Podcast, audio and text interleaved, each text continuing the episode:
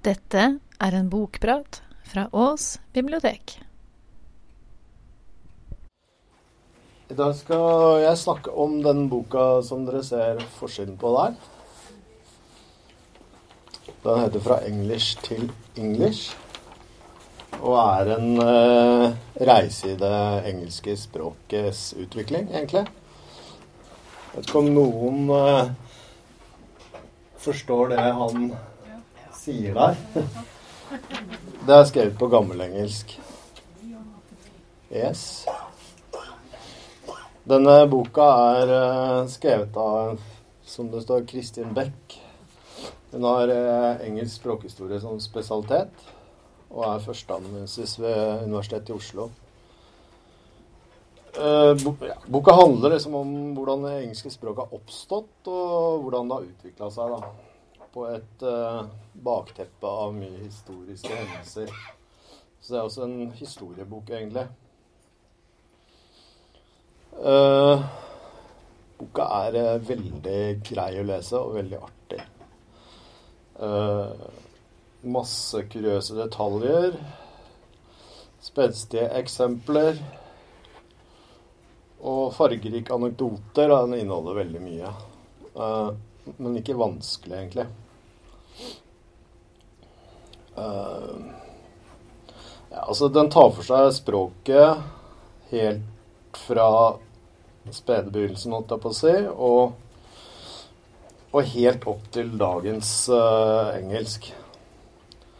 Uh, den har altså evner som lån fra fransk og tysk, Shakespeare, dronning Elisabeth den første Hvordan engelsk påvirker norsk i dag, og hvordan engelsk snakkes verden, verden rundt.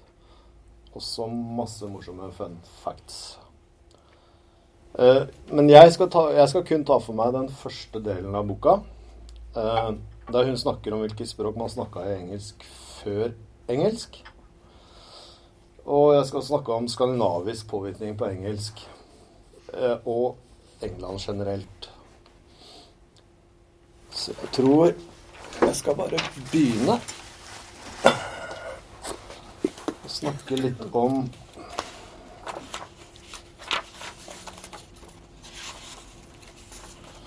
Hvilke språk ble snakket i England før engelsk? Før vi begir oss inn på den engelske språkhistorien, kan det være interessant å ta opp et spørsmål som ofte blir stilt, nemlig hvilke språk som ble snakket på de britiske øyene før engelsk.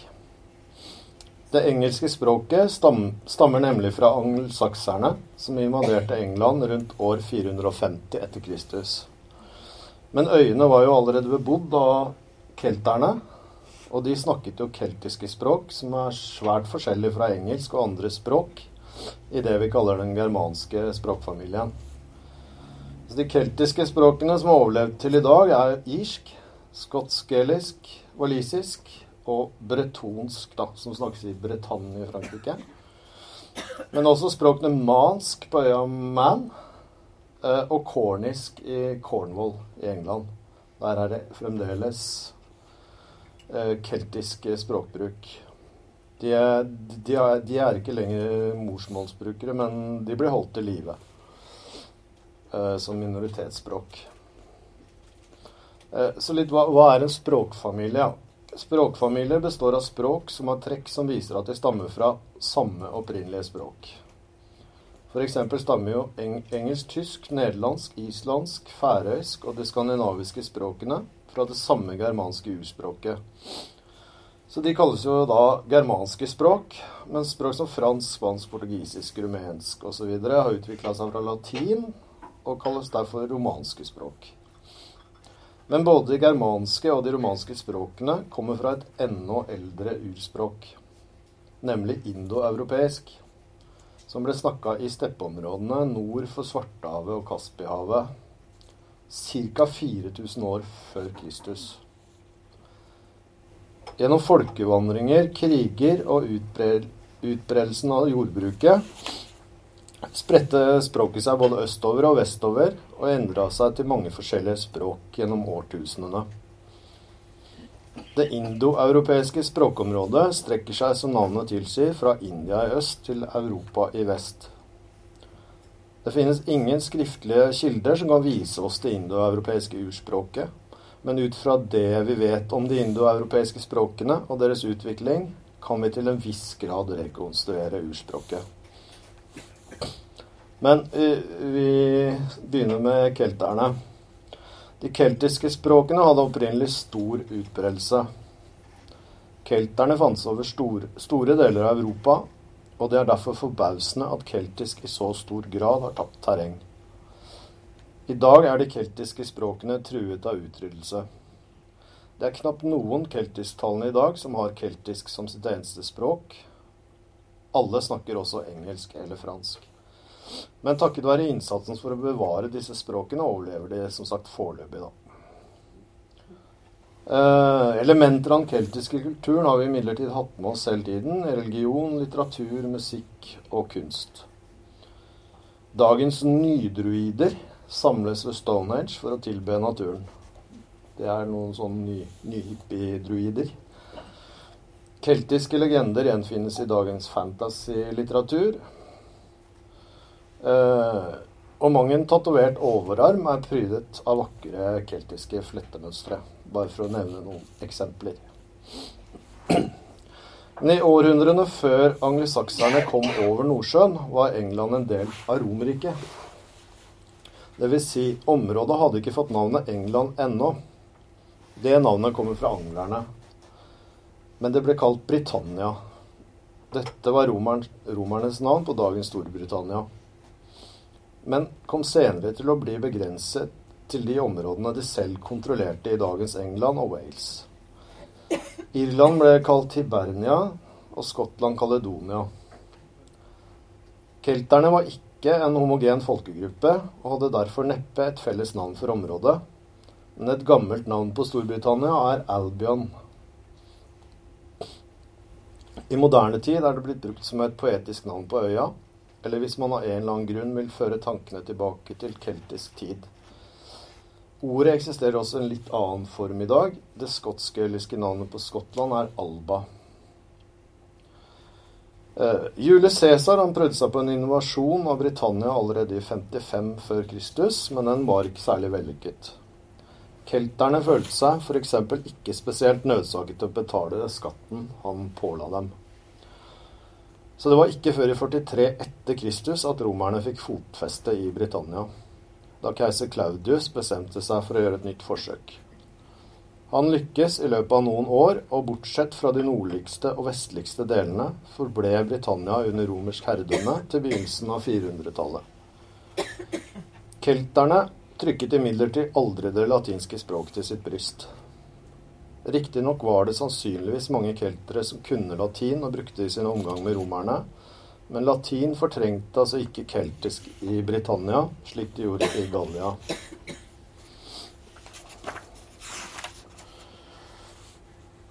Så hvor kom det fra, dette språket som nå har blitt et verdensspråk? Som nevnt i forrige kapittel må vi tilbake til begynnelsen av 400-tallet. Britannia hadde vært en del av det mektige Romerriket i nesten 400 år, men nå var Roma truet, og keiseren fant det nødvendig å kalle troppene tilbake sørover. Britannia, denne grønne og fristende perlen i havet, ble dermed etterlatt ubefestet og sårbar. Og ganske riktig, man lot seg friste. Det tok ikke lang tid før de krigerske keltiske stammene i nord gjorde fremstøt sørover og kelterne i sør, som hadde vent seg til hjelp fra romerne med å holde dem tilbake, hadde ikke lenger nok ferdigheter, våpen eller krigers lynne til å klare det på egen hånd. Altså Romerne er nå ute av Britannia, for de hadde nok på hjemmebane. Men kelderne gjorde noe som følgelig skulle vise seg å være mindre lurt, i hvert fall med tanke på de senere overlevelsesmulighetene for de keltiske språkene. De tilkalte hjelp fra de mer krigslystne germanske stammene på den andre siden av Nordsjøen. Historien vil ha det til at den keltiske krigsherren Vårtigeren inngikk en avtale med krigerbrødrene Hengist, altså hingst og Horsa hest, som gikk ut på at de skulle hjelpe han mot pikterne og skottene. Til gjengjeld skulle de få den lille øya Thanet i Kent, helt på sørspissen av England. Nøyaktig hva som er fakta og hva som er legende i denne historien, vet vi ikke helt.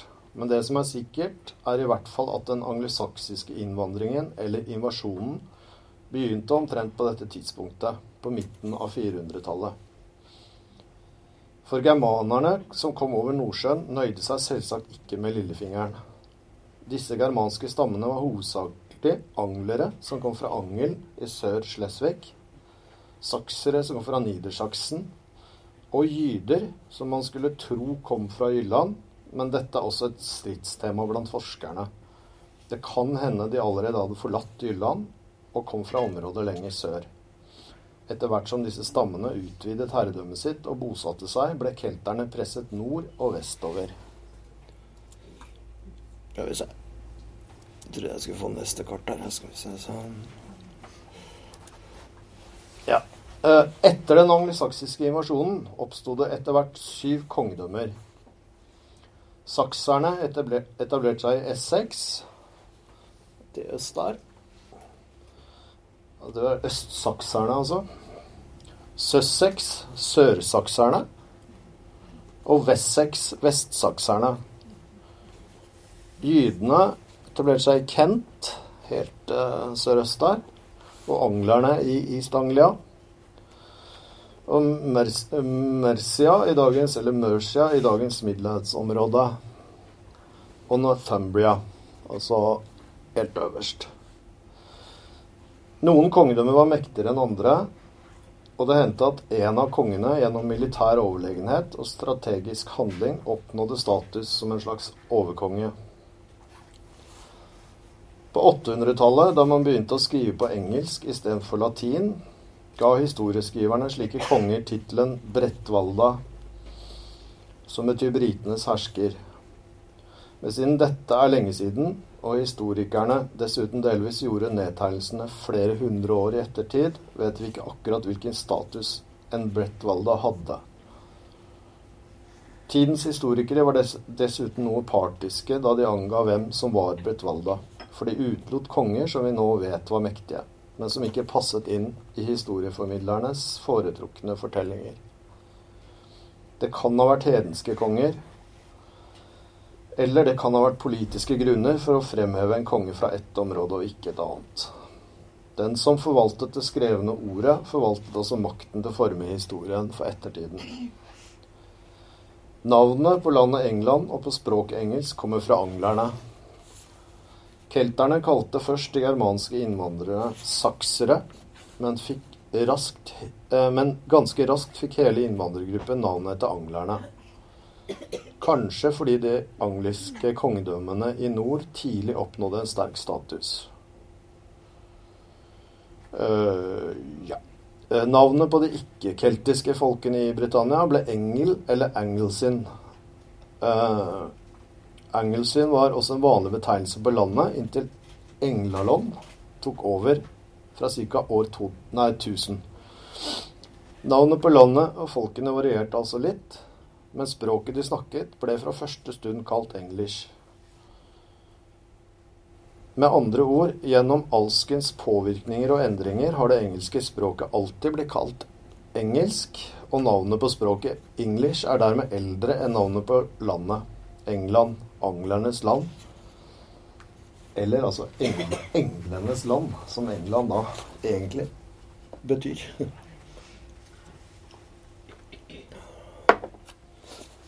Skal vi se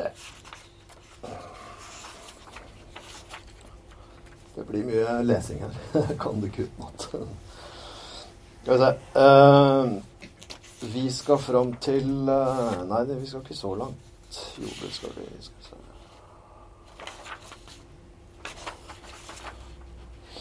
Ja, vi skal hoppe litt fram til uh, vikingene, vikingene. Vår uh, egen påvirkning på språket der og historien. Vikinginvasjonene foregikk i flere stadier. Første, det første vikingangrepet kom i 787. Men i den nasjonale bevisstheten er det vel angrepene på klostrene Lindisfarne i 793 og Jarrow i 794 som markerer starten på vikinginvasjonene og slutten på Englands første storhetstid. Lindisfarne er en tidevannsøy i Northumbria på nord nordøstkysten av England. Altså, den er jeg tror ikke så, Han er ikke med på kartet, men den er helt oppe i toppen. Med andre ord et innlysende mål for et vikingtokt. Vikingene drepte mange og ødela mye, men heldigvis slapp det som nå er et, et av de fremste eksemplene på tidlig manuskriptkunst unna ødeleggelse, nemlig The Lindisfarne Gospels, Lindisfarne-evangeliene, skrevet på latin på begynnelsen av 700-tallet, og, med de skjønneste dekorasjoner i teksten. Jeg har vel en sånn eksempel på det. Det er jo en detalj, da.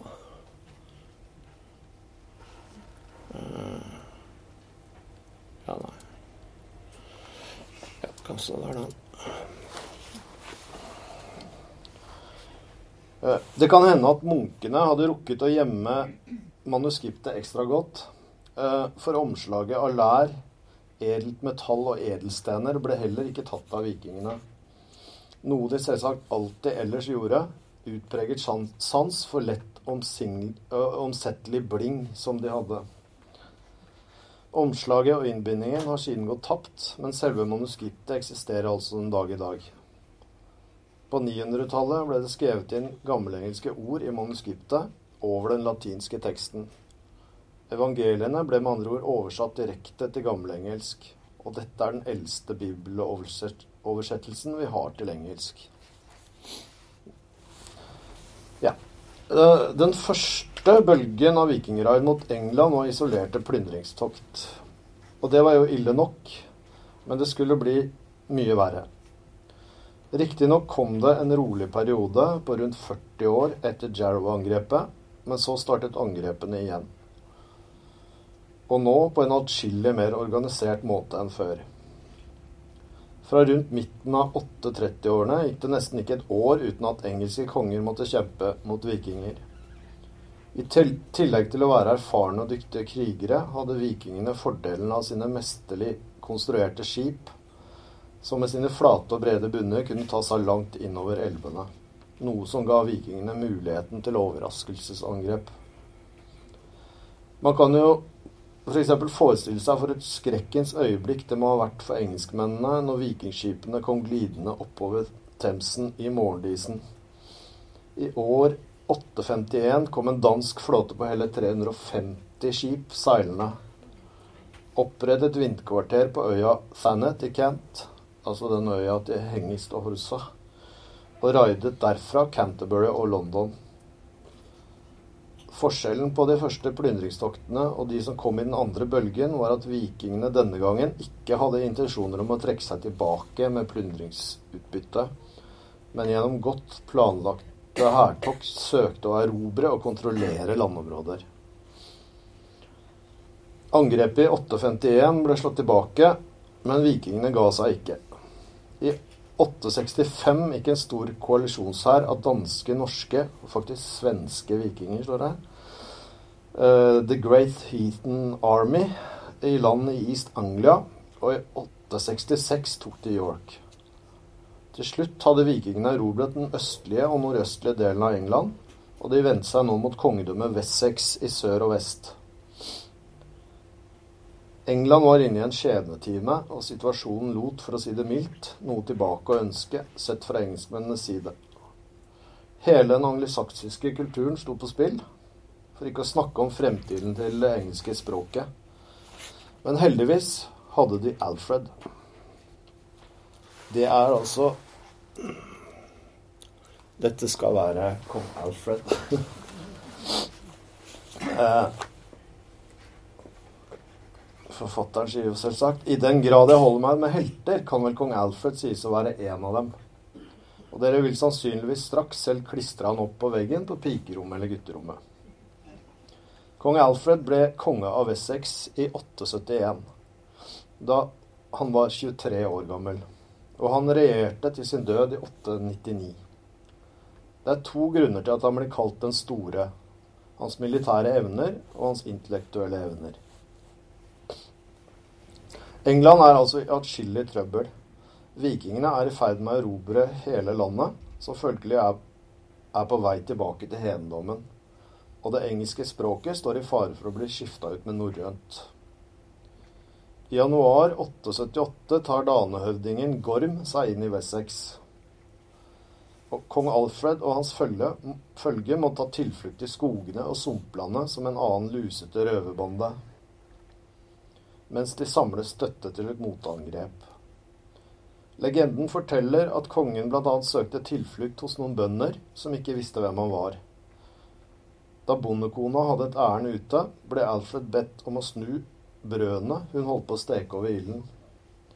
Det glemte han, for han var så opptatt med å lese og tenke på kongerikets problemer. brødene ble brent, og Alfred fikk en solid dose kjeft. Man ser for seg en slukøret konge. Ja ja, kong Alfred var kanskje distré i huslige anliggender, men han var god til å slåss. Motangrepet kommer i mai ved Ertadun, Eddington.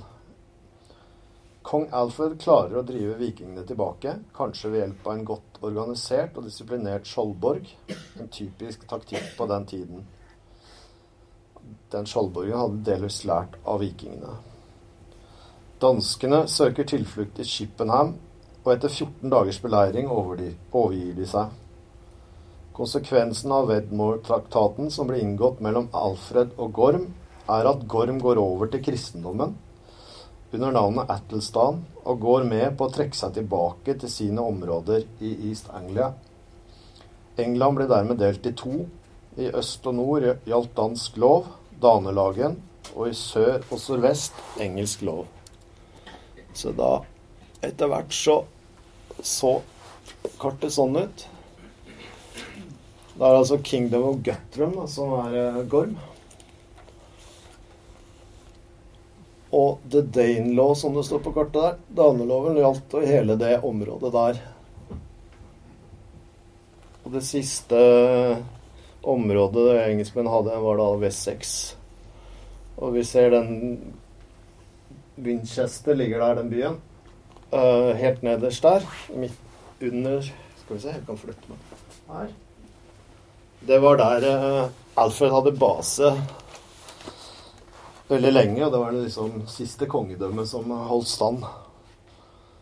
Uh, etter hvert så ble han jo Fikk han slått tilbake oppi her. Uh, ja. Eddington Det er sånn. Kong Alfreds seier ved Eddington betød med andre ord ikke at vikingene trakk seg ut av England. Langt derifra. Men det Alfred klarte denne vårmåneden, var å hindre at en hedensk makt fullstendig tok over et land som bare 150 år tidligere hadde vært intellektuelt ledende i Europa pga. de kristne klosternes høye utdanningsnivå. Takket være Alfred forble Wessex et kristen kongedømme, med de konsekvensene det hadde for fremveksten av kunnskap, kultur og ikke minst språk. da. England var allerede hardt preget av 100 år under press fra vikingene. Den anglisaksiske kulturen var satt kraftig tilbake, og kong Alfreds hovedprosjekt, i tillegg til planlegging og etablering av et godt organisert forsvar mot fremtidige vikingframstøt, var å sørge for at England igjen skulle kunne regnes som en intellektuell og kulturell stormakt i Europa. Hans innsats på dette området er den andre grunnen til at han ble kalt Den store. Kampen mot uvitenheten var like viktig som kampen mot vikingene. I forordet til Cura Pastoralis, en håndbok for prester forfattet av pave Gregor i rundt 590, og som kong Alfred oversatte fra latin til gammelengelsk, og deretter sørget for å distribuere til landets presteskap, snakker Alfred med lengsel om Englands tidligere gullalder. Han beklager seg over det miserable utdanningsnivået i England, og fremlegger planer for et kunnskapsutviklingsprogram og en kulturell reformasjon. Et av problemene var at siden antallet klostre og klosterskoler hadde gått drastisk ned grunnet vikingplagen, var latinnivået i landet blitt kritisk lavt. Det klassiske utdanningsspråket var med andre ord ikke lenger bredt tilgjengelig, verken for lærere eller elever.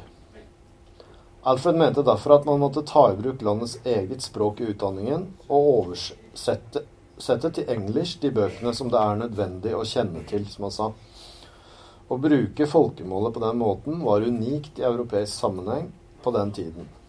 Ingen andre land hadde programmer hvor latinske bøker systematisk ble oversatt til andre språk.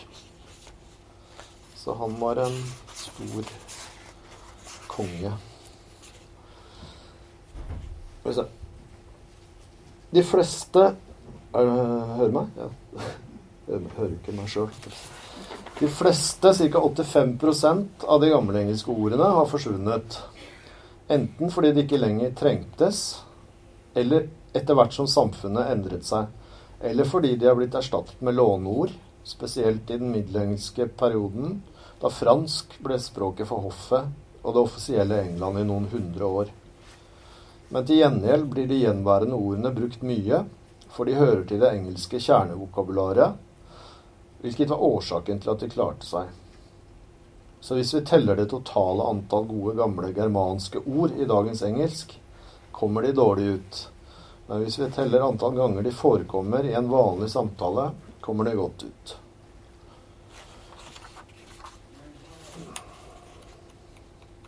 Er det noen som har noen spørsmål? til å si? Nei. Det blir mye oppramsing her, da. Jeg skal til slutt uh, snakke litt om, om, skandinavisk påvirkning på engelsk, da.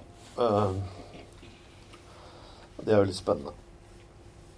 Det sier seg vel selv at det omfattende nærværet av norrøne vikinger i England i flere hundre år måtte få konsekvenser. Ikke bare for samfunnsordninger, men også for språket. England på 1000-tallet, og da spesielt det vikingbesatte Dan Danelagen, var et land med språkblanding. I noen lokalsamfunn snakket de norrønt, i noen engelsk, mens andre steder var det sikkert en blanding. Noen frykter engelsk påvirkning på norsk i dag, men hvis frykten skulle ta helt overhånd og kaldsvetten bryte ut, kan man jo trøste seg med at engelsk langt fra er noe rent språk selv, og at mange av låneordene i engelsk faktisk kommer fra skandinavisk. Et tydelig bilde av omfanget av det skandinaviske nærværet i England kan man få ved å se på et kart hvor alle de skandinaviske stedsnavnene er plottet inn. Da vil man se at i nordøst, i Danelagen, er det tett i tett med skandinaviske navn. Det er ikke så mange av de på kartet der, men uh, rundt 1400. Mens i sør-vest, i kong Alfreds engelske del av landet, er det ingen. De skandinaviske stedsnavnene forekommer spesielt ofte i Yorkshire og Lincolnshire, hvor det primært var danske bosetninger, men stedsnavnene viser også de norske vikingenes bosetninger i nordvest, i Cumbria og Westmoreland. Ja, Dessuten var det jo mange norske vikinger på Shetland og Orkenøyene. De tidligste stedsnavnene er ofte sammensetninger av skandinaviske og engelske elementer, som i Grimston, som inneholder det norrøne navnet Grim, eller Grim, da, og det engelske Tonn som kommer fra gammelengelsk tun og betyr bebyggelse eller inngjerdet landområde. Det samme ordet har også blitt til town i moderne engelsk. Senere ble stedsnavnene ofte norrøne i sin helhet. I de danske områdene er det spesielt mange stedsnavn med endelsen by, altså by, som i Grimsby, som er det samme som Grimston, bare at her er endelsen norrøn istedenfor engelsk. Eh, vi har Selby, Lindby, og i de norske områdene har stedsnavnet ofte endelsen Tveit. Som vi kjenner fra norsk. Tveit, er det noe som vet hva det betyr? Ja, tveit betyr mindre rydning, står det her. Eksempler er Apple Tveit, Lang Tveit, og det finnes et par steder som rett og slett bare heter Tveit. Dette stedsnavnselementet finnes forresten også i Normandie. F.eks. i Le Tuit Anger. Jeg vet ikke om jeg uttaler riktig, men uh, Twit. Hvor Twit er det samme som Tveit eller Tveit. Andre vanlige stedsnavn inneholder endelsen Thorpe, norsk Torp, liten gård, altså, lands, eller landsby, som i Althorp, Scunthorpe eller, eller Toft jordstykke, som i Knapptoft og Lowestoft. Stedsnavneldelsen Wick eller Witch kan i noen tilfeller være det samme som norsk vik, særlig i stedsnavn på kysten. Lerwick på, uh, på Shetland er et sikkert eksempel på norsk innflytelse. Men ellers gjelder det å holde tunga rett i munnen, for ordet wick fantes også i gammelengelsk, hvor det rett og slett betød gård eller bosted. Og dette ordet ble lånt inn fra latin vicus på et tidlig tidspunkt. De fleste stedsnavnene med denne endelsen har derfor ikke skandinavisk opphav. Noen kjenner kanskje til at det gamle navnet på York var Jorvik. Det betyr ikke jord og vik, slik man skulle tro. Før vikingene kom, het nemlig stedet Effervik, altså villsvinstedet. Eofer betyr villsvin, og vik kommer fra latin vicus og betyr sted. Men det norrøne ordet for villsvin var jofur, altså nesten likt det gamle engelske ordet. Den sammentrukne formen av joffer var jord, så slik norrønifiserte vikingene dette stedsnavnet.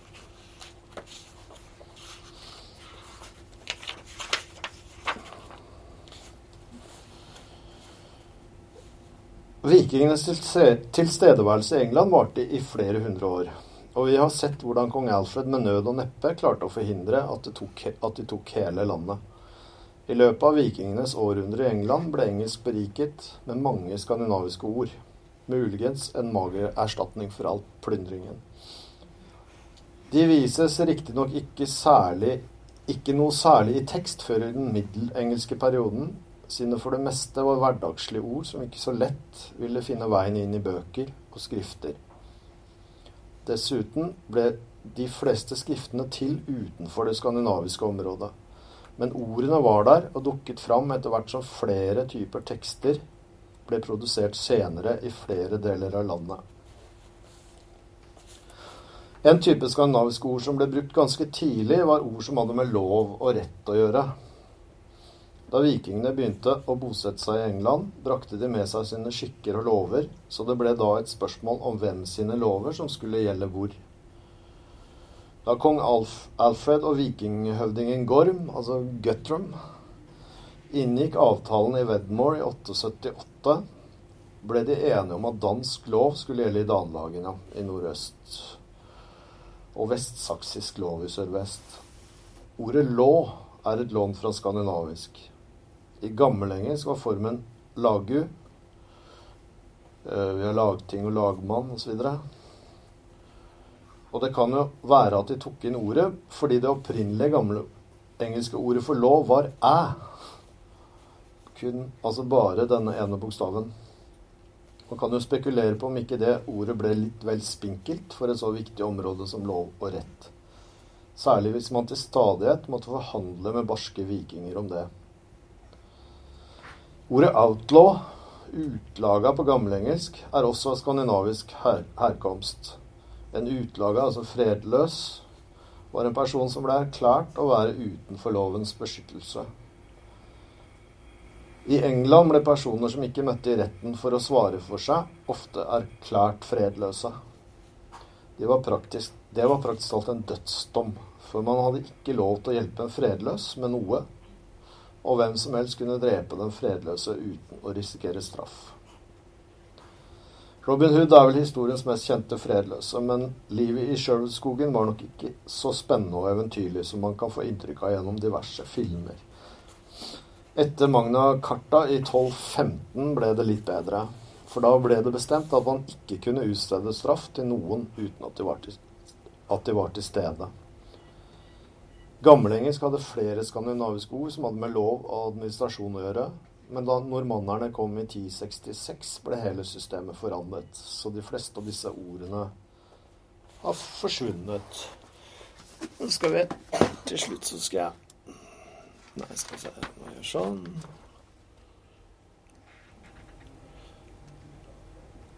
skal vi se litt på jeg må bare lese hva Det er en del ord som har kommer fra skandinavisk, da. Uh, som forfatteren skriver her, eh, så får man ikke akkurat assosiasjoner til en sommerlig tur på en blomstereng av de ordene som eh, vikingene kom med fra, fra Skandinavia. De, den bolken mor her er jo ganske depressiv, skal man kalle det. Jeg treng, skal jeg oversette noen, eller går det bra? Ja.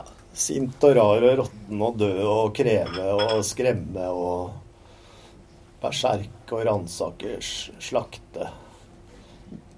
Dørt, flatt, sjuk. Men det var ikke bare sånne ord som uh, kom fra oss, som brukes i dagens engelsk. Disse ordene her er jo kanskje noen vet om. Window er jo et av de mest kjente fra Vindauget. Uh, bag er jo et ord som tror det het bagger på norrønt. Som vi har lånt tilbake igjen. Og så har vi jo en del sånne familiære ord til slutt. Jeg har bare tatt med noen, for det er veldig mange flere. Og det er husband, husband, kid, fellow, sister.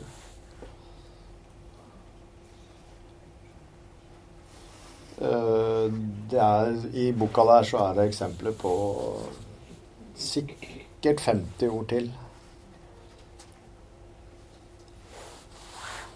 Ja Er det noen som lurer på noe? Yes, dette gikk fort. Den er helt uh, ny. Den kom ut i Lurer på om den kom ut i år. Skal vi se. Nei, i fjor. Men uh, seint i fjor, tror jeg. Kan jo Altså ja, Jeg anbefaler den for den som er interessert i Interessert i språkhistorie og historie skal til slutt bare over den. Det går jo helt som sagt opp til dagens uh, engelsk. Og det er jo en del morsomme ting i denne boka her òg, da. Bare nevne til slutt uh, Hun uh, skriver litt om litt feil måte å snakke engelsk på, kan du si, da. Som eksempel for Petter Solberg, rallykjøreren. Noen av dere kjenner vel de. Altså, sier Rallycrossføreren Petter Solbergs engelsk er blitt smått legendarisk og har sin egen fanside på Facebook. Det er klart når man er rallykjører og ikke kan det sentrale ordet speed, men bruker det norske fa fart også på engelsk, oppstår det et vell av interessante språklige muligheter. Uh, uttrykk som han sagt da, sånn It's not the fart that kills you, it's the smell. Uh, det er Solberg uh, spesial. Mm. og I have bad pigs in my deck, da, som han er Så har jo videreført arven etter Odd Gryte her, som en gang sa det der. Det har jo praktisk talt blitt en del av norsk dagligtale, ja. Andre gullkorn av Solberg er It was dæven døtte meg close ass. Og It was so much dog on the window. Og så til slutt den uh, kanskje beste. I came with a great fart and disappeared as a prick upon the sky. Og can you strø her? It's very glatt. Petters spesielle prestasjon i denne språklige sammenhengen er at vi ler med ham og ikke av ham. Full av morsomme ting. Anbefales.